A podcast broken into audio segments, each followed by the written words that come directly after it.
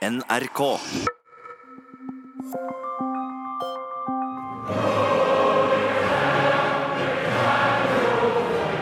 For 100 år siden styrte Storbritannia 20% av verdens befolkning. Jeg tror det var en fjerdedel. Og de hadde kontroll over en tredjedel av jordas overflate. Wow. Men i dag så kan det jo virke som britene knapt klarer å styre seg selv. I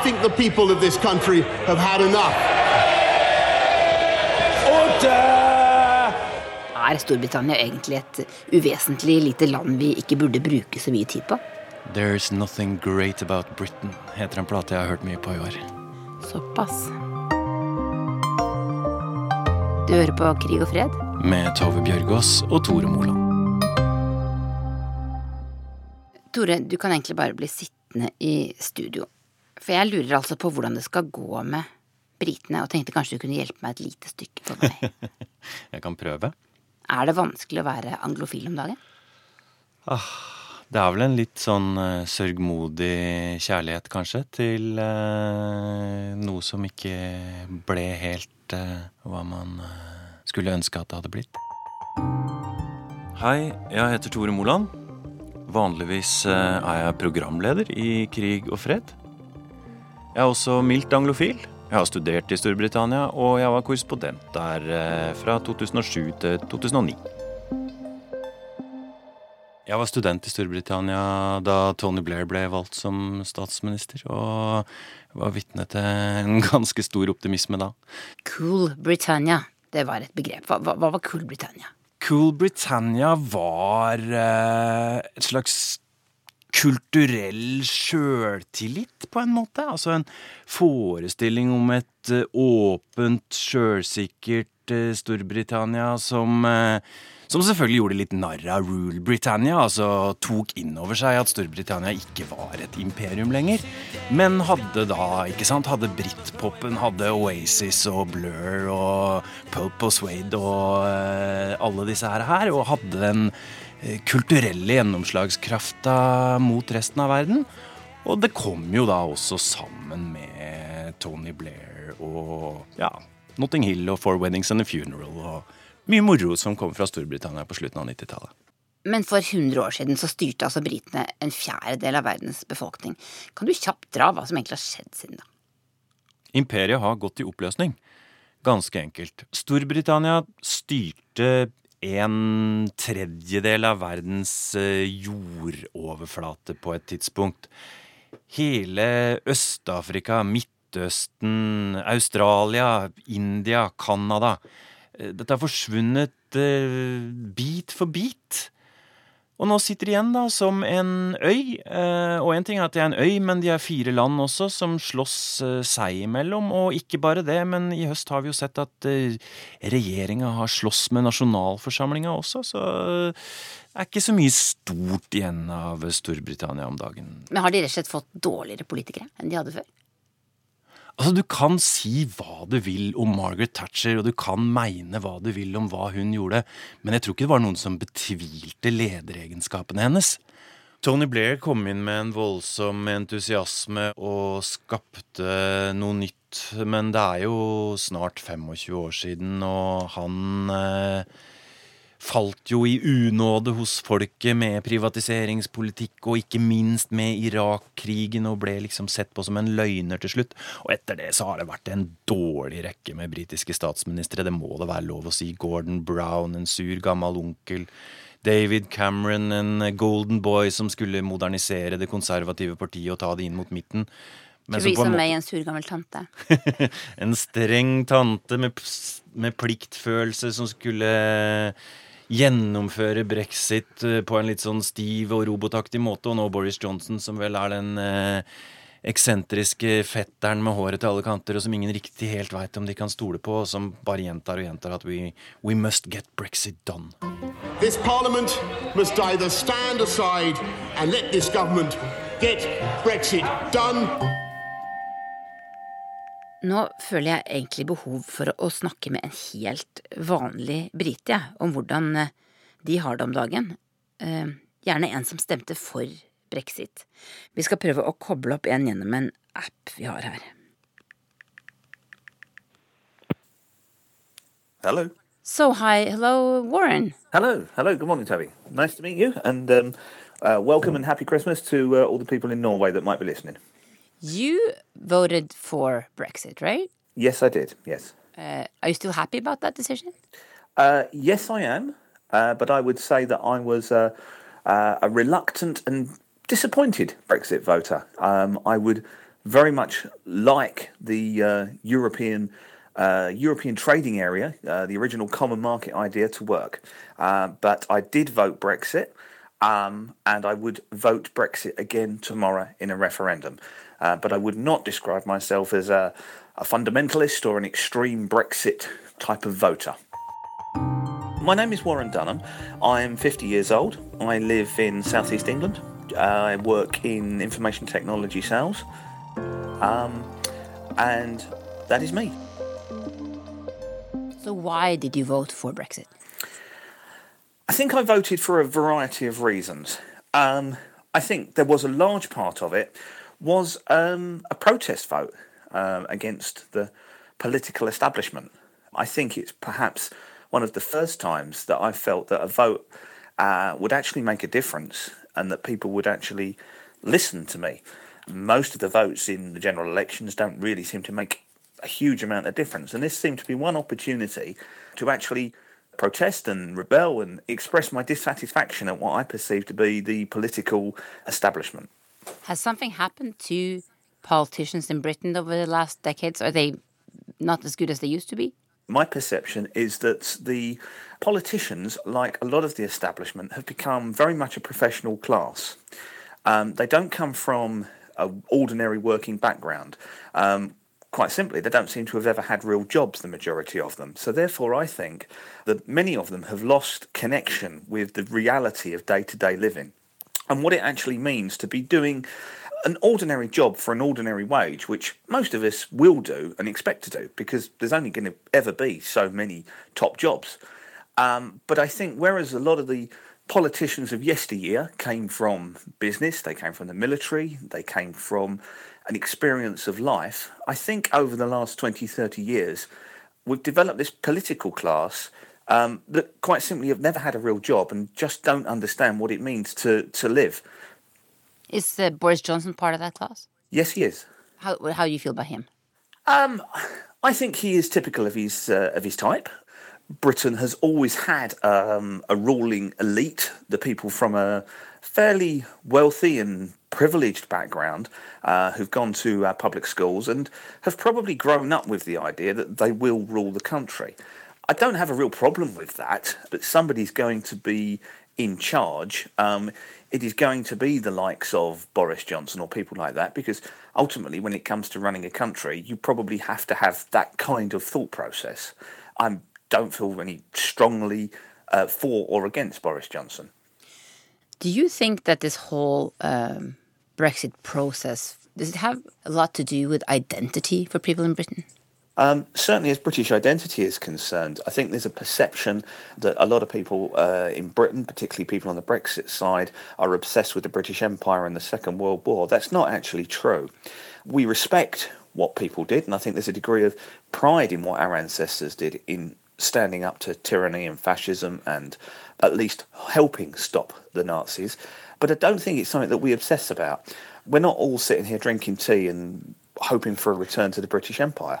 Um, right. The reality is, we're a comparatively small country, and we are a country that wants to get on. That I think we actually have quite a strong degree of social harmony uh, and integration, and I think we've done quite well at that. Tilliten til politikerne er tynnslitt. Eh, gapet mellom de folkevalgte og det såkalte folket, opinionen, er blitt større og større. Rett og slett fordi at ikke de har klart å komme seg noe videre i dette brexit-spørsmålet. Så man er utslitt, en er trøtt av brexit, en ønsker å komme videre sånn at en kan fokusere på andre politiske viktige spørsmål som hoper seg opp under eller bak i brexit-køen. Så, så her, her, er det et eller annet som må forløses eh, nokså snart, tror jeg. Eh, sånn at ikke velgerne totalt totalt mista tilliten til de britiske politikerne. Jeg heter Jan Erik Bustad. Er førstelektor i engelsk ved Universitetet i Agder. Har undervist eh, Storbritannia og USA i mange år, og fulgt britisk politikk i eh, flere tiår. Du sier du har fulgt med på britiske valg siden midten av 90-tallet. Hva har skjedd med britiske valg siden midten av 90-tallet?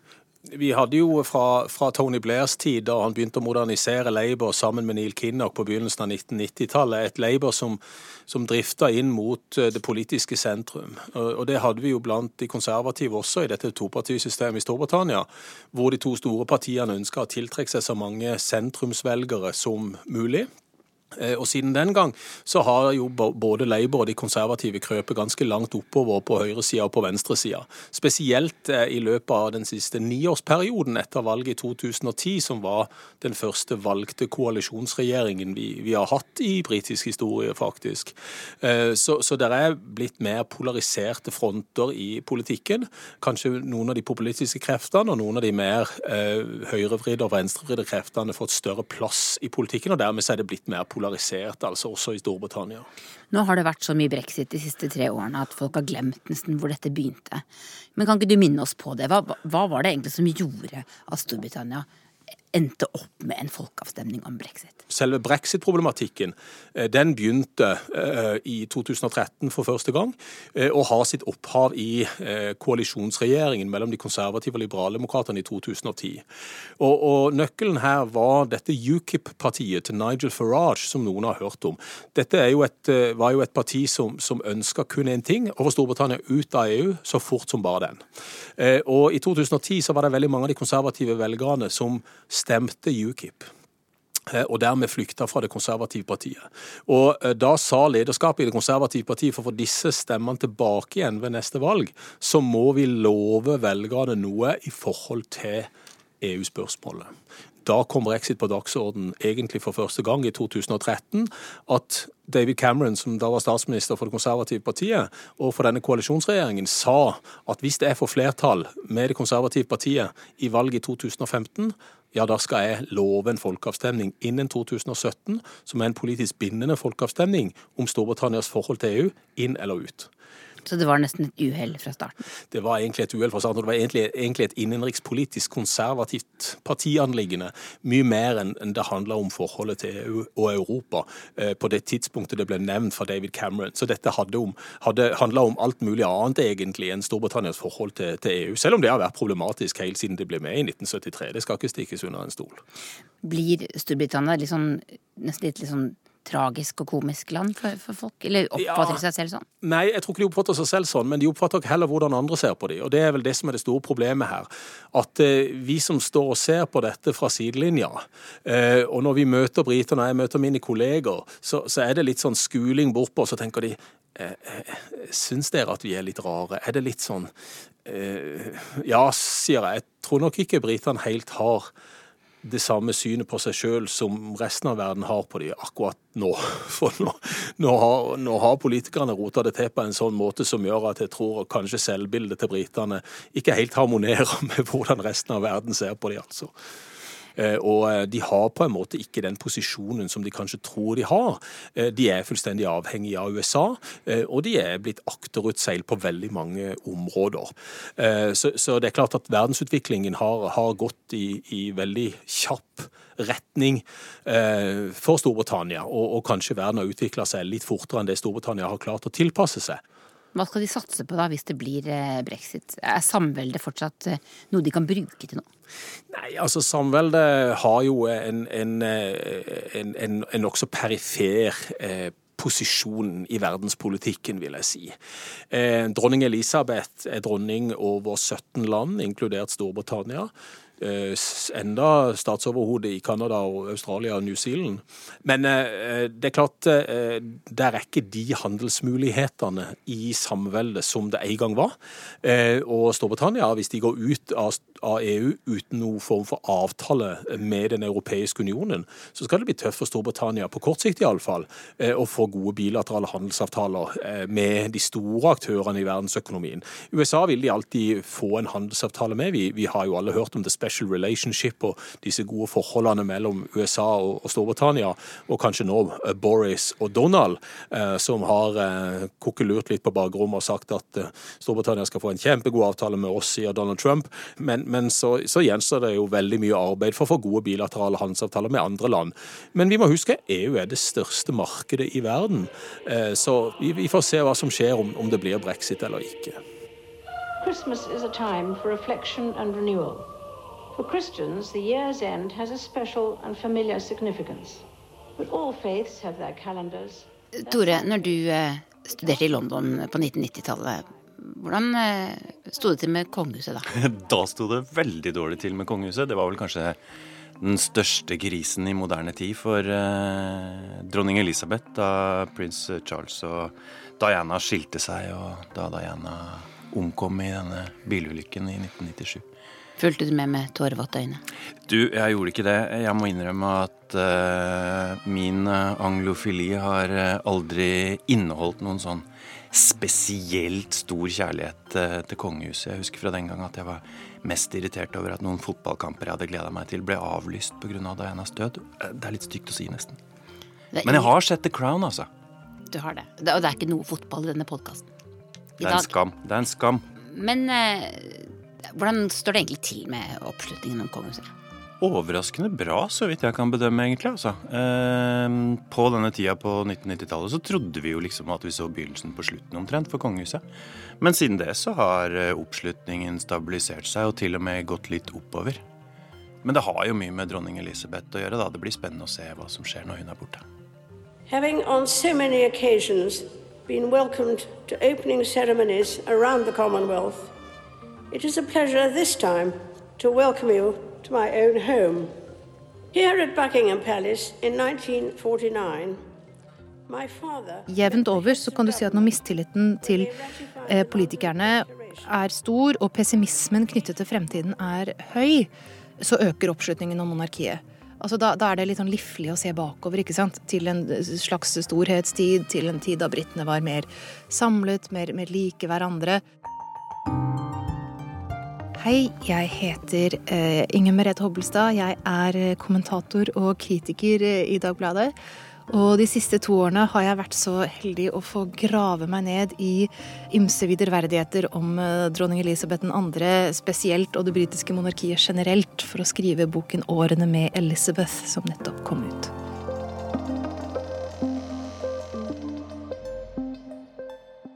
Tror du at kongehuset snart er noe av de viktigste eksportartiklene Storbritannia har? Ja, det og dramaer om kongefamilien. Eller, eller, om britisk eh, historie. Altså, det, det, er noe i det, altså. For du kan si at det er en veldig kraft i huset Windsor, som jeg tenker er, er, også noe av grunnen til at de har overlevd alle disse krisene de har vært igjennom.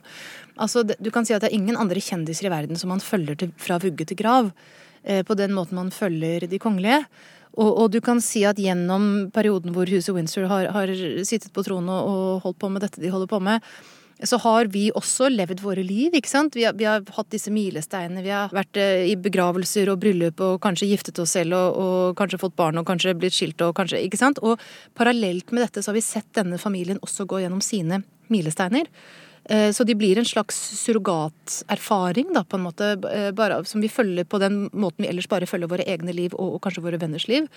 Men det blir på en sånn kollektiv sfære. Det å følge med på dem er noe vi deler med i større eller mindre grad med, med, alle andre. da. Og jeg tror dette gjør at vi tilgir det mye, rett og slett. For de føles litt som sånne medlemmer av den utvidede familien. Hva tror du dronning Elisabeth tenker om brexit og, og det som skjer nå? Du, der har det vært eh, veldig harde og svært motstridende påstander. Eh, The Sun slo opp på forsiden at hun var eh, for brexit. Og det ble de senere dømt for i PFU, for det hadde de ikke godt nok grunnlag for å hevde. Robert Lacey, som er en ganske pålitelig biograf, mener at hun har vært skeptisk til EU og spurt gjester om eh, hva er egentlig de gode grunner til å bli værende og sånn. Og, han er egentlig en jeg stoler mye mer på enn The Sun, for å si det sånn, som, som kom til det samme. Men samtidig så er jeg, etter å ha jobbet med dette, litt i tvil fordi det man vet om dronningen, det er at hun er glad i konsensusløsninger, altså inkluderende løsninger. Hun er ikke særlig glad i konfronterende politikere. Og hun er opptatt av å holde både Storbritannia som sådan og samveldet sammen. Altså, hun var veldig glad da Skottland stemte for å bli eh, i, i, som en del av, av Storbritannia. Da. Det var jo David Cameron litt uforsiktig og, og lekket. Altså den i familien som kanskje sterkest har tonet flagg og menn på en eh, ganske indirekte måte, men likevel helt utvetydig, da. Det er jo prins William. For da han og Kate var hos noen eh, sauebønder, var det vel, i Cumbria, med kamera på slep, eh, så spør prins William de, disse bøndene om, om, hva en no deal brexit ville ha å si for dem. Moment, I, we had a meeting with your father. He arranged it about Brexit and that. I mean, and there's things like that, but even they couldn't answer the questions for us. Yeah. Do you feel my father's a voice for the sort of farming community and for the... He's definitely a voice first, and, and he's a, a powerful voice. Yeah. Og de sa jo en gang at nei, det ville vært forferdelig, for de er avhengig av tilskudd og subsidier og, og alt hva de får da fra, fra Brussel. Og du kan si at når en skikkelse som prins William stiller det spørsmålet for åpent kamera, så vet han hva svaret er. Uh, og det ble jo tolket, og tror jeg helt riktig, som et ganske utvetydig tegn på at prins William advarer mot en, en no deal brexit. Han ønsket fokus på det. Ja. Hvordan står det egentlig til med, med, med britenes identitet akkurat nå? Nei, de er jo litt splittet, da. de er De vet jo ikke hvem de er, uh, stakkar. Altså, det er jo, det jo uh, fristende å, å, tenke på det, det, den amerikanske politikeren Dean Exon en gang sa. Altså det at Storbritannia har mistet et imperium, men de har ennå ikke funnet en rolle. altså, det som har vært interessant for meg med å skrive om dronningen og sånn, det er at når du leser britisk historie på det 20. År, i det 20. århundret, så leser du om et, et land i kontinuerlig panikk. Eh, fordi de har vært så store, og, og, den storheten og innflytelsen den glipper unna, og man klarer ikke å hindre det, og man klarer ikke helt å finne noe annet. Unge britere, hva slags identitet har de i forhold til det Storbritannia en gang var? Jeg tror at for unge kosmopolitiske briter så, så er det jo noe reaksjonært. og og eh, litt flaut at man skal være så opptatt av, av imperiet. Men igjen, der er jo også unge mennesker forskjellige, da. Det er verdt å, verdt å huske på. Eh, men jeg, jeg syns jo det har vært noe veldig fascinerende å se at det medlemmet i kong, nåværende kongefamilien som, som er en tydeligst hva skal jeg si, aktør eller, eller, et tema i denne debatten, er jo Meghan Markle, som jo giftet seg med prins Harry og ble hertuginne av Sussex. I think what's been really exciting as we talk about the transition of this out of my career but into the role is that as you said, the causes that have been very important to me, I can focus even more energy on because Hun er amerikansk, hun er halvt svart, hun er uttalt feminist, hun er aktivist, hun snakker om positive forandringer, ikke sant, vil endre ting. Og, og har jo vært enormt omstridt. Altså en del av de konservative tabloidene har jo vært ekstremt kritiske til henne og, og hopper på det med en gang de mener at hun bryter kongelig protokoll og sånn. Eh, og, og Meghan er jo en sånn som er veldig populær blant unge briter. Altså som føler at de kanskje kan relatere seg mer til henne enn til den veldig propre og korrekte Kate Middleton, altså som kona til prins William. Eh, men som har veldig mange motstandere blant nettopp brexit-tilhengerne. Eh, og da hun var redaktør, gjesteredaktør for britiske Vogue og plasserte internasjonale kvinner eh, og type transpersoner, miljøaktivister eh, osv. på forsiden, så kom det jo et brøl fra disse mediene som spurte hvorfor hun ikke hadde britiske kvinner der. Ikke sant? Altså Litt sånn spørsmål om hennes lojalitet, da, ikke sant? om hun egentlig er en del av den det britiske tradisjonen, slik mange mener at kongefamilien skal være. Warren Dunham, I wanted to ask you, in the future, do you think it's still going to be Great Britain?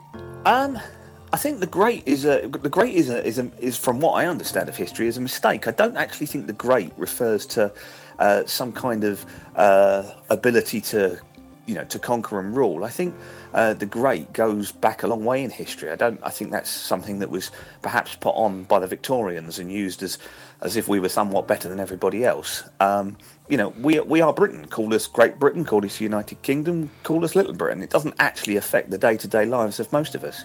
Uh, we're not sitting here obsessing about British identity day in, day out. Um, the reality is, most of us work hard, most of us want to get on, most of us don't have extreme left or right wing views. Du har hørt Krig og fred fra NRK Urix. Lydregien var ved Hans Ole Hummelvold.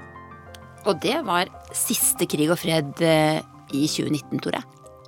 Nå tar vi juleferie. Du kan høre på Oppdatert fra NRK Nyheter mens du savner oss. 9. januar er vi tilbake. Men det har vært en veldig fin høst. Det har det. Vi har vunnet en pris, til og med. for beste aktuelle sendeflate. Og først og fremst så må vi vel si tusen takk til alle dere som hører på. Og god jul. God jul!